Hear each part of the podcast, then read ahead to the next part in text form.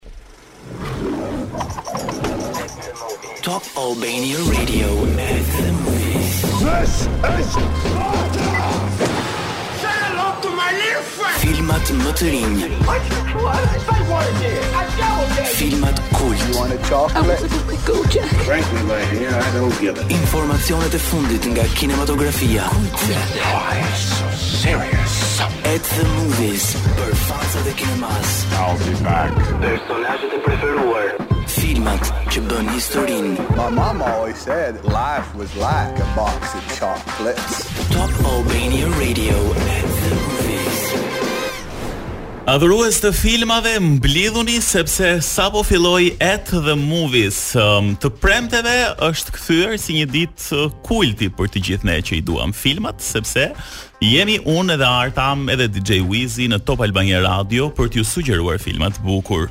Një treshe fantastike do thoja të paktën ne kështu ndihemi me njëri tjetrin. The Fantastic 3. Uh, the Fantastic 3. Ta quajmë kështu një mini film ose një mini serial tonin këtu. Takohemi edhe sot si çdo të premte tjetër sigurisht me plot të reja sepse çdo ditë në botën e kinemasë është një boom, një boom lajmesh, një boom ndodhish. Edhe është e kotë ndoshta t'ju themi që vijon ende të përflitet nëpër rrjet ngjarja edhe e gjithë historia mes Johnny Depp edhe Amber Heard, e cila së fundmi tha që pavarësisht të gjithave ajo e do Johnny Depp. Ndërkohë, E di çfarë nuk dua të dëgjoj më për këtë histori, të lutem as mos e thuaj më. E mbyllim me kaq. Se është bërë kaq shumë vërtet edhe nuk e di kemi bashkëjetuar për sa e sa ditë me këtë. Megjithatë, kjo javë ka qenë e mhm. mbushur me të reja nga kinematografia. Pjesën e dytë të programit ia kemi dedikuar pikërisht këtyre të rejave. Do të bëjmë një përmbledhje sepse ka shumë gjëra që po vijnë edhe shumë të bukura madje. Ndërsa Cineplex sapo ka sjellë dy premierat më të fundit mbrëmjen e djeshme, kemi një film të animuar, po edhe një film tjetër pak të Ikshëm do thoja, kështu që Ahës Premiera do të vijë vetëm pas pak. Ndërkohë do ta hapim sot me një këngë shumë ritmike, sepse pak ditë më parë, ekzaktësisht në datë 14 qershor, është publikuar në Netflix një dokumentar nga ajo. E kam fjalën për divën dhe bombën. Jennifer Lopez ka ardhur me Halftime, një film dokumentar në cilin ajo tregon të gjithë rrugëtimin e saj të karrierës, jetën personale dhe të gjitha ato sfidat mm -hmm. që me sa duket ndriçimi, shkëlqimi edhe gjithë bukuria e artistëve ndonjëherë duket se na i fshehin se po, çfarë ata heqin po, Jennifer uh, besoj po vazhdon me Ben Affleck, ndërsa pashë që ish bashkëshorti i saj kishte gjetur një të dashur të re. E vërtetë është përfolur edhe po. Alex Rodriguez për të mhm. dashurën e tij më të fundit. Nuk po, ishte aq e mirë sa Jennifer, po e lezetshme dukej. Ok, ashtu sikurse dhe unë Ben Affleck, ben Affleck nuk është se e shikoj shumë të përshtatshëm me J Lo, të paktën që nga oh, po, pamja nuk më pëlqen. Njerëzit e shohin si jo. çifti perfekt i të jo, gjitha kohëve. Jo, Ben Affleck e kam parë perfekt me ish bashkëshorten e tij, uh, Jennifer Garner, e, po, të tjerë duam, të tjerë na duan me të tjerë përfundojmë, por artistët uh, me sa duket e kanë shumë të vështirë të përfundojnë me dikë, Gati jemi more Wizi, gati jemi. Un vura syzet si zyshë. Sepse në fakt çdo gjë gati tashmë. Meqë përmenda këtu uh, arsimin, sigurisht do doja t'i uroja gjithë maturantëve që sot uh, mbaruan uh, provimin e matematikës, ishin shumë nën emocion, un kalova uh, në mëngjes pas ecjes nga liqeni kalova dhe pashë uh, Shumë nxënës të cilët ishin shumë të emocionuar mm. dhe sigurisht që të japin atë atmosferën edhe të kthejnë pas në kohë. O sa e vështirë matematika më vjen ndërmend uh, vitet e mia kur uh, po përgatitesha për të dhënë këtë provim dhe un jam një dramë e vërtetë në matematikë, fizikë, kimi dhe çdo gjë tjetër dhe mbase prandaj jam këtu duke folur në një program radiofonik. Po duhet ta themi që ke dalë më mirë te gjuhë-letërsia Okej, okay, ana e kundërt. Megjithatë, megjithatë, suksese të gjithë maturantëve. Sigurisht edhe mm, kopjoni më pak sepse është në të mirën tuaj, sepse um, në provimin e gjuhë-letërsisë para pak uh, ditësh mora vesh që doli teza. Eh, gjithmonë uh, ka gjëra të tilla. Mësak kishte dalë përpara se të niste provimi. Megjithatë, ia lëmë departamentit të informacionit. Me matematikën kanë filluar dhe memet që kaloi edhe një ditë nga jeta ime që nuk e përdora teoremën e Pitagorës. Megjithatë mos u bazoni në këto shakat që gjeni në rrjet, por sigurisht investoni tek vetja. Shkojmë tani tek Cineplexx, nuk shkojmë ne fizikisht, por sigurisht shkojmë me filmat, me premierat që kanë ardhur um, ditën e djeshme. Gjithmonë më ka pëlqyer fjala vite dritë. dhe kaq larg vite dritë. Kaq larg vite dritë. Edhe uh, filmi i animuar aventurë aksion që vjen i pari quhet si titullohet Vit Dritë apo Lightyear. Po në fakt um, ka të bëjë me një personazh që ne e njohim prej shumë kohësh, është Buzz Lightyear që e kemi parë tek Toy Story një mm, film i animuar i krijuar nga Pixar dhe Disney, shumë i dashur për të gjithë ne. Fatkeqësisht, Unë dy seritë e fundit të Toy Story nuk i kam parë, kam parë vetëm të parën dhe sigurisht që më ka pëlqyer jashtëzakonisht shumë, por nuk e di pse. Kam parë, por ama, i kam lënë. Ama kam blerë lodra Toy Story, Toy Story sepse një po. fëmijë i donte shumë. Po janë shndërruar në lojra, në lojëra virtuale, po ashtu edhe në shumë gjëra të tjera, po themi është um, një legjendë Toy Story për të gjithë fëmijët dhe sigurisht personazhi i Buzz me ato veshjen e tij prej astronauti dhe një luftëtari ka qenë ndër të preferuarit tanë. Pashë tek traileri që do ta dëgjojmë për pak çaste tani që Buzz kishte ardhur në një formë pak më njerëzore. Për shembull uh -huh. aty është një format pak më më toy, pra më kukull. Mm, mm, Kurse tani në këtë seri në këtë seri të re duket se um, efektet vizuale ishin përmirësuar dhe Buzz ishte në formën më të afërt të një njeriu.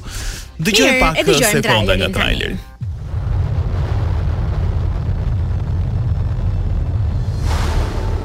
Buzz Lightyear mission log, stardate 3901. After a full year of being marooned, our first hyperspeed test flight is a go. Who are you talking to? Uh, no one. You were narrating again. I was not. Just doing the mission log. You do know no one ever listens to those. I know that. Narrating helps me focus. Ready Captain Lightyear? Ready. E ndërkohë zërat që po dëgjoni janë uh, disa nga personazhet uh, që kanë realizuar këtë projekt dhe janë nga yjet Chris Evans, uh, Dale Souls, Taika Waititi, besoj të kujton diçka ky, është Më um, kujton Rita Orën. Komediani neozelandez 46 vjeçari aktualisht partneri i Rita Orës, edhe meqenëse jemi tek Rita Ora, Rita gjatë këtyre ditëve uh, ka filluar të promovoj shumë edhe pjesëmarrjen e saj sigurisht nëpërmjet zërit në një serial që po vjen, do të vi shumë shpejt në 2022-shin.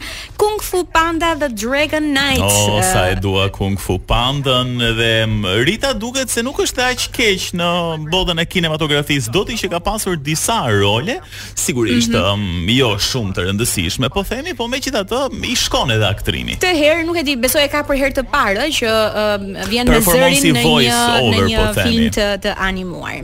Shkojmë tani nga filmi animuar me shumë alegri dhe të po, qeshura. Po, po, që te ky film, te Toy mhm. Story, um, jam i bindur që fëmijët kanë për t'i kapur për veshësh prindrit edhe për t'i çuar në Cineplex. Mirë, filmi numër 2. Shkojmë tani në një thriller, flasim për Shark Bait, uh, që vjen me një subjekt në fakt deri diku pak edhe të frikshëm një uh, një situatë apo rrethana në të cilat mund të ndodhet gjithkush prej nesh. Imagjinoni pak një grup miqsh që shkojnë të shijojnë një fundjavë uh, dhe sigurisht se pjesë aktivitet të aktiviteteve të tyre uh, kanë edhe shumë le të themi uh, lojra apo shumë uh, aventura dhe në ujë, vjedhin disa jet ski dhe garojnë me njëri tjetrin duke përfunduar Në një përplasje të tmerrshme kokë më kokë, luftojnë për të gjetur më pas rrugën për në shtëpi, me një mik të plagosur rëndë ndërsa nga ujërat poshtë përgjojnë grabitqarët. E pashë trailerin edhe ishte shumë i frikshëm, ashtu siç janë të gjithë filmat me peshkaqenë. Kemi parë disa të tillë, folëm javën e kaluar madje edhe për piranjat, që sigurisht nuk i gjejmë në det, i gjejmë ndoshta në lumenj apo në liqene, sepse ato jetojnë në ujëra të ëmbël, Po peshkaqenët janë gjithmonë të frikshëm saqë edhe ne kur notojmë ndonjëherë pak larg bregut fillon e na kap një lloj ankthi, nuk e di nëse të ka ndodhur ty. E vërtetë, patjetër. Sepse ti di not, besoj. Jo, nuk di. Atëherë nuk të ka ndodhur. Po gjithsesi frika është.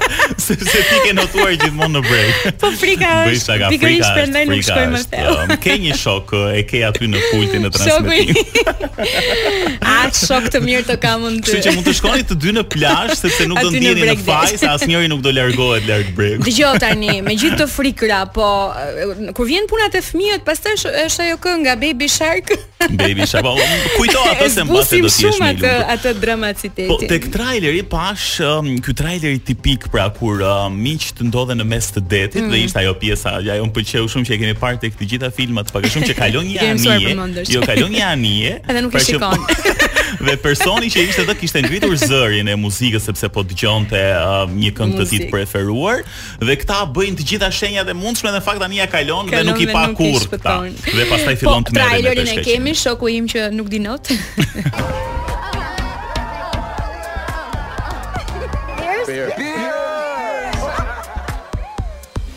Grande Bruno Blanco. Look what we found! This is such a bad idea! We're just borrowing a couple of jet skis! Go, go, go!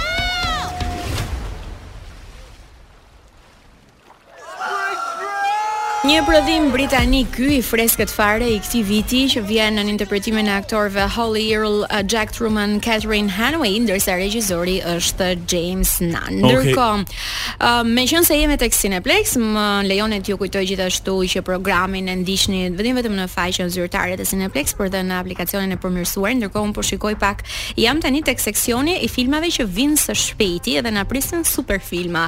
Ne për shembull mezi po presim Minions dhe kemi po, premtuar që do të shkojmë shumë herë, po e duam shumë Minions. Ndërkohë po vjen gjithashtu edhe një biografi dramë Elvis Presley. Okej, okay, do të flasim edhe për një seri filmash të tjerë që mbase do të vonohen pak në um, kinema po themi sepse shfaqjet e tyre do të jenë përgjatë muajve të verës, ama janë prodhime shumë shumë shumë të mira që na kanë munguar, duhet thënë sepse kjo periudhë ka pasur shumë filma, po të cilësisë së lartë ndoshta kanë qenë pak më të rrallë. Mm -hmm. uh, por gjatë gjithë vitit do të kemi plot, kështu që lajmi i mirë është që të paktën uh, mësuam që do të na vinë se kush janë ato ja themi vetëm pas pak ju qëndroni me ne. Freedom nga Pharrell Williams, ndërsa ne jemi tani për të sjellë tek ju një përmbledhje të të rejave më të fundit nga kinematografia. Sot u zgjova me një lajm shumë të bukur, um, madje e postova direkt në Instagram Good Morning dhe thash um, sa bukur ta nisësh ditën me një lajm të tillë. Ju do thoni, "E po ç'është kjo?" Po kështu është për ne që i duam shumë filmat dhe serialet, aq më tepër Për ata që duan Game of Thrones. Thuaj se na plase.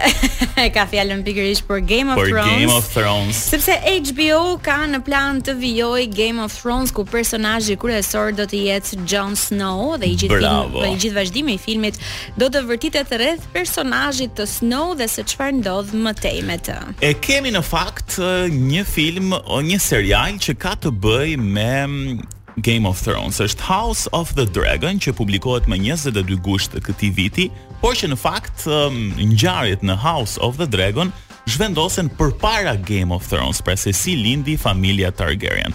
Ndërsa um, seriali që do të pasojë uh, Game of Thrones do të jetë pikërisht me personazh kryesor uh, Jon Snow apo Kit Harington, Dhe uh, po themi do të tregojë se çfarë ndodh me me këtë personazh. Në sezonin e 8 të fundit, Jon Snow zbuloi se emri i tij i vërtetë ishte Aegon Targaryen, trashëgimtar i mundshëm i fronit të hekurt dhe në finalen e serialit po themi ai mërgoi nga Westeros dhe udhëtoi në veri të murit me Wildlings për të lënë pas jetën e tij të vjetër se si vijon më tej që kjo është gjëja më e bukur që ne presim Do ta shohim në sequel, pra ose në vazhdimin e Game of Thrones, por që do të vërtitet rreth personazhit të Snow, pra se çfarë do të ndodhë me të. Nuk kemi akoma informacion nëse aktorë të tjerë do të rikthehen. Ju lutem më thoni që nuk jam e vetmja që nuk kam parë ende asnjë seri të Game of Thrones. Ka shumë edhe ka një gjë me Game of Thrones që ata që nuk e kanë parë e kanë shumë inat e urrejnë këtë serial, ndërsa ne që e kemi parë e duam jashtëzakonisht shumë. Nuk ka një nuk ka mendim të mesëm për Game of Thrones. Okej, domethënë janë dy limitet, ata që s'e kanë parë dhe nuk ja kanë idenë dhe ata që e kanë parë dhe e duan. Po, po, po, po, po, e duan shumë ose nuk e duan fare.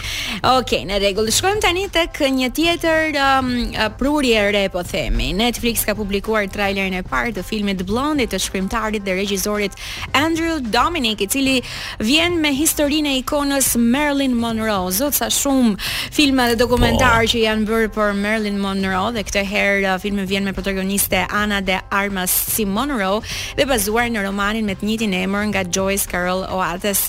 Filmi është një rijetësim i jetës profesionale dhe personale të ikonës së Hollywood. Dhe sigurisht nis që nga fëmijëria e paqëndrueshme si Norma Jean, filmi ndjek Monroe gjatë ngjitjes së saj si një yll um, e cila në fakt ka pasur shumë herë ka pasur shumë uh, polemika, shumë diskutime për të, është folur për një jetë personale mjaft të koklavitur. Edhe filmi është një dramë thriller që eksploron Monroe midis unit publik dhe atij privat. Gjithnjë e përfolur vijon ende të bëjë bum uh, ylli Monroe dhe ndërkohë filmi pritet të na vijë më 23 shtator. Duket sikur e kemi mësuar tani përmendësh të gjithë historinë. Po. Fotot e Ana de Armas uh, si Marilyn Monroe dje bënë xhiron e rrjetit sepse pikërisht ditën e djeshme u publikua edhe traileri i parë uh, lidhur me Blonde edhe mm, e kishte përshtatur goxha. Në fakt doja mm, ta theksoja që mbase do të ishte portretizimi më i mirë, më i, mirë i Monroe. Sepse mua më pëlqeu shumë um, kishte uh, le të themi një lloj um, delikatese uh, edhe Ana de Armas është shumë e bukur dhe ishte ishte afruar shumë personazhit të Monroe. Mbase de Armas është më e bukur se Monroe, tani është është e çuditshme ta thuash këtë se Monroe është ikonë, po mua më pëlqeu shumë. E ndërkohë, ju e dini pak kohë më parë edhe diskutimi i famshëm për veshjen që bëri Kim Kardashian që veshi fustanin e Marilyn Monroe dhe vazhdojnë akoma polemikat që ndoshta uh, mund të ka ka pasur gjithmonë diskutime me krahasime se kush e ka veshur më bukur edhe sigurisht mm -hmm. shumë janë ata që vënë në vend të parë patjetër Monroe. Okej, okay, um, i radhës është Joker 2 po kthehet këtë herë dhe në fakt veç uh, Joaquin Phoenix Duket se po vjen edhe Lady Gaga.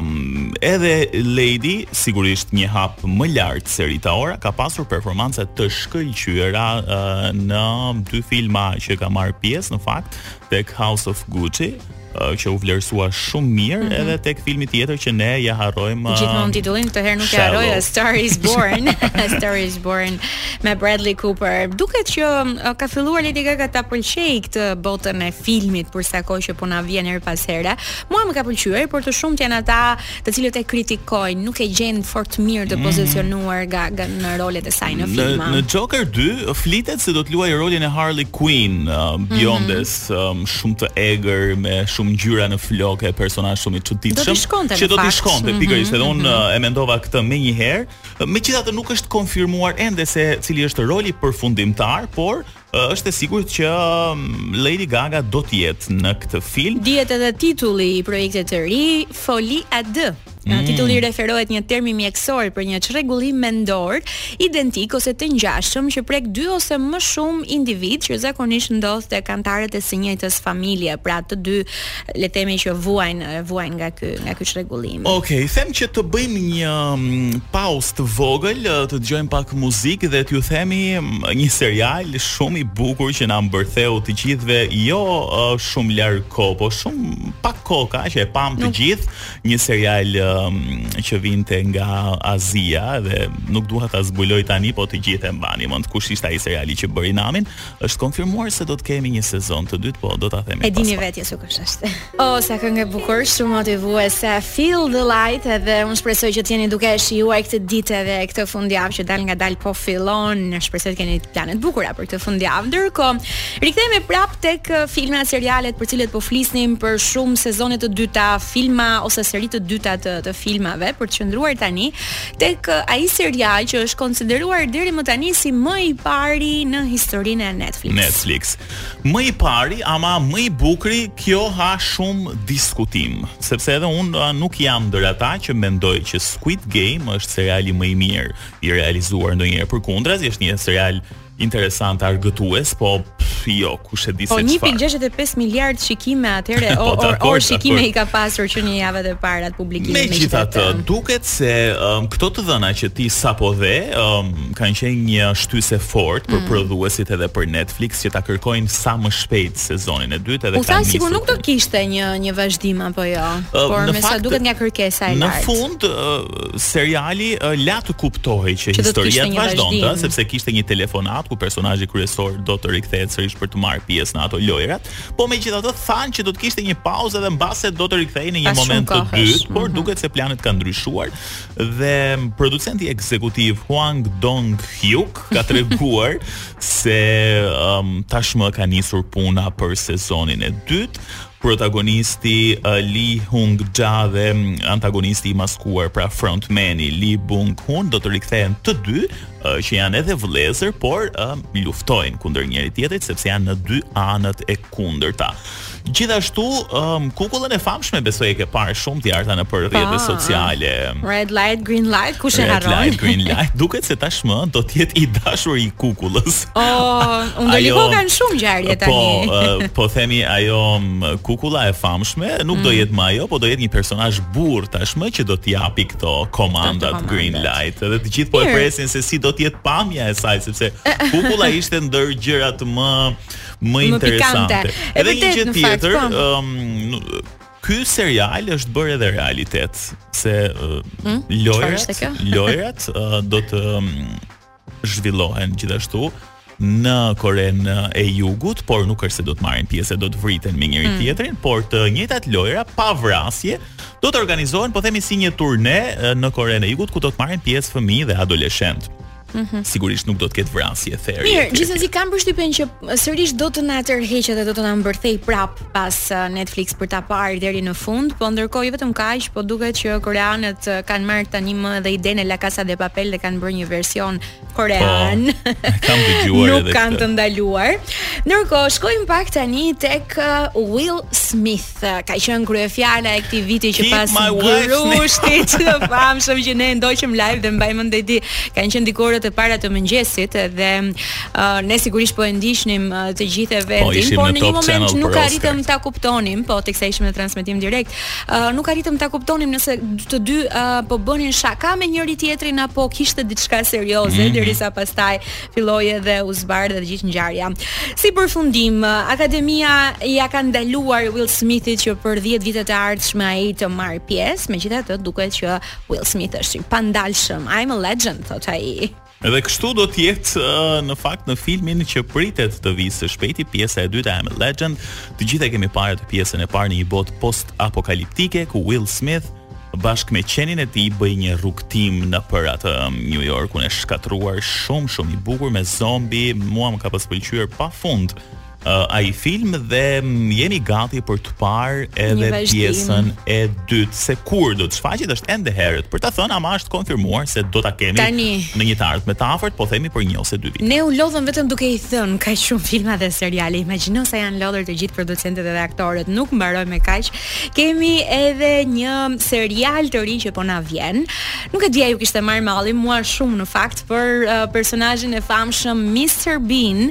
Është Rowan Atkinson i cili rikthehet sërish tashmë në Netflix do të na vijë me një oh, serial. Oh, bukur. Do të na publikohet uh, sezoni i parë në 24 qershor dhe titullohet Man versus Bee edhe sigurisht presim që të shohim uh, shumë batuta edhe uh, karagjozllëqet e Mr. Bean-it të famshëm. Sepse është i vetmi personazh mbase që na mungon në Netflix. Janë uh, filmat e kaluar që ka bërë Rowan Atkinson ose Mr. Bean, por një gjë e moderne, English. po, mm -hmm. na pëlqen, na pëlqen, na ka munguar në fakt se u bë ca vite që s'kemi parë ndonjë um, gjë të re nga um, Rowan Atkinson. Edhe duhet ta themi në fakt që ka qenë vetë Atkinson i cili ka deklaruar disa kohë më parë që të bënte rolet e Mister Binit nuk ka qenë dhe aq e thjeshtë. Ta mendosh që ne na duket si një personazh që ok, domethënë i përshtatej shumë um, aktorit, por me sa duket nga ana tjetër aktori ka pasur shumë sfida për ta sjellë këtë personazh sa më mirë. Vetëm kaq nuk ka ardhur vetëm nga um, uh, Mister Bin në rolin me me njerëz po themi, por gjithashtu është bërë edhe film i animuar, mm -hmm. shumë i mhm. pëlqyer edhe ky nga fëmijët. Është personazh shumë karizmatik edhe kontrovers, edhe vet Rowan, një njeri i apasionuar pas makinave, ka në garazhin e tij makina nga më të shpejtat dhe njihet uh, për pasionin e tij për shpejtësinë e lartë. Jo pak herë është bërë pjesë e aksidenteve të frikshme rrugore thën... me McLarenin e tij dhe ka shpëtuar. Domethënë ajo makina e vogël jeshile nuk ka të bëjë me të, jo, nuk është fare në garazhin e tij. Është e çuditshme pikërisht sepse kur e sheh atë makinë thua ç'lidhje ka ky njeri, po në fakt Është një njeri shumë i apasionuar pas makinave të shpejta dhe disponon ndër më të shpejtat në botë në garazhin e tij. Këto kanë qenë prurjet më të reja dhe çfarë ne po presim gjatë 2022-shit kryesisht, thash uh, u lodhëm duke i thënë kaq uh. shumë ishin. Uh, a mbaruam? Më duket mbaruam. Ka shumë të tjera, po ne kemi përzgjedhur uh, po themi këto pak më të rëndësishmet që kanë bërë edhe xhiron e rrjetit. Mirë.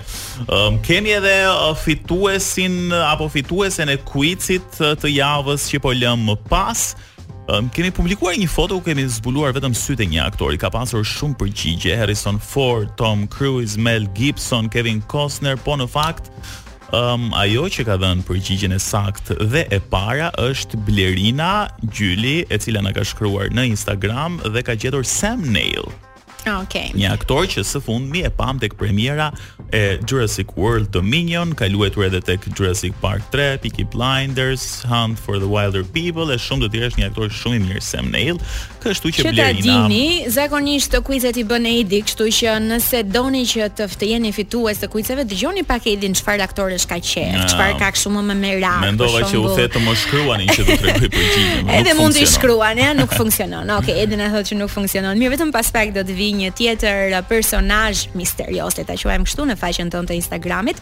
Ndërkohë, programi ynë vjen edhe në shumë forma të tjera të cilët ju e dini tashmë, vjen në YouTube channel, në kanalin ton, vjen gjithashtu edhe në formën e podcasteve, në aplikacionin e Top Albania Radio, i cili është një ndër aplikacionet e mia më të uh, më të përdorura në po, telefonin. Po, po, po, edhe jua sugjerojmë vërtet, nuk e themi se e kemi ne pra familje e Top Albania Radios, po aty gjeni gjëra shumë interesante, lajmet më të fundit edhe të gjithë programacionin e Top Albania Radios për të parë çfarë të doni ju.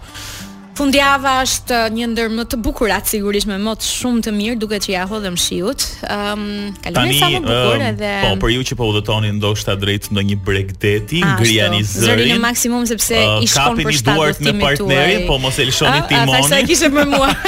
Se jo. ndërkohë Edi më zgjati dorën mua. Instinktivisht ja zgjata po ashtu. Jo, ne nuk jemi për një udhtim në bregdet, jo, gjithsesi. Jo, jo. Ishte super kënaqësi që qëndruam sot me ju, sërish të premten e ardhshme. Avazi.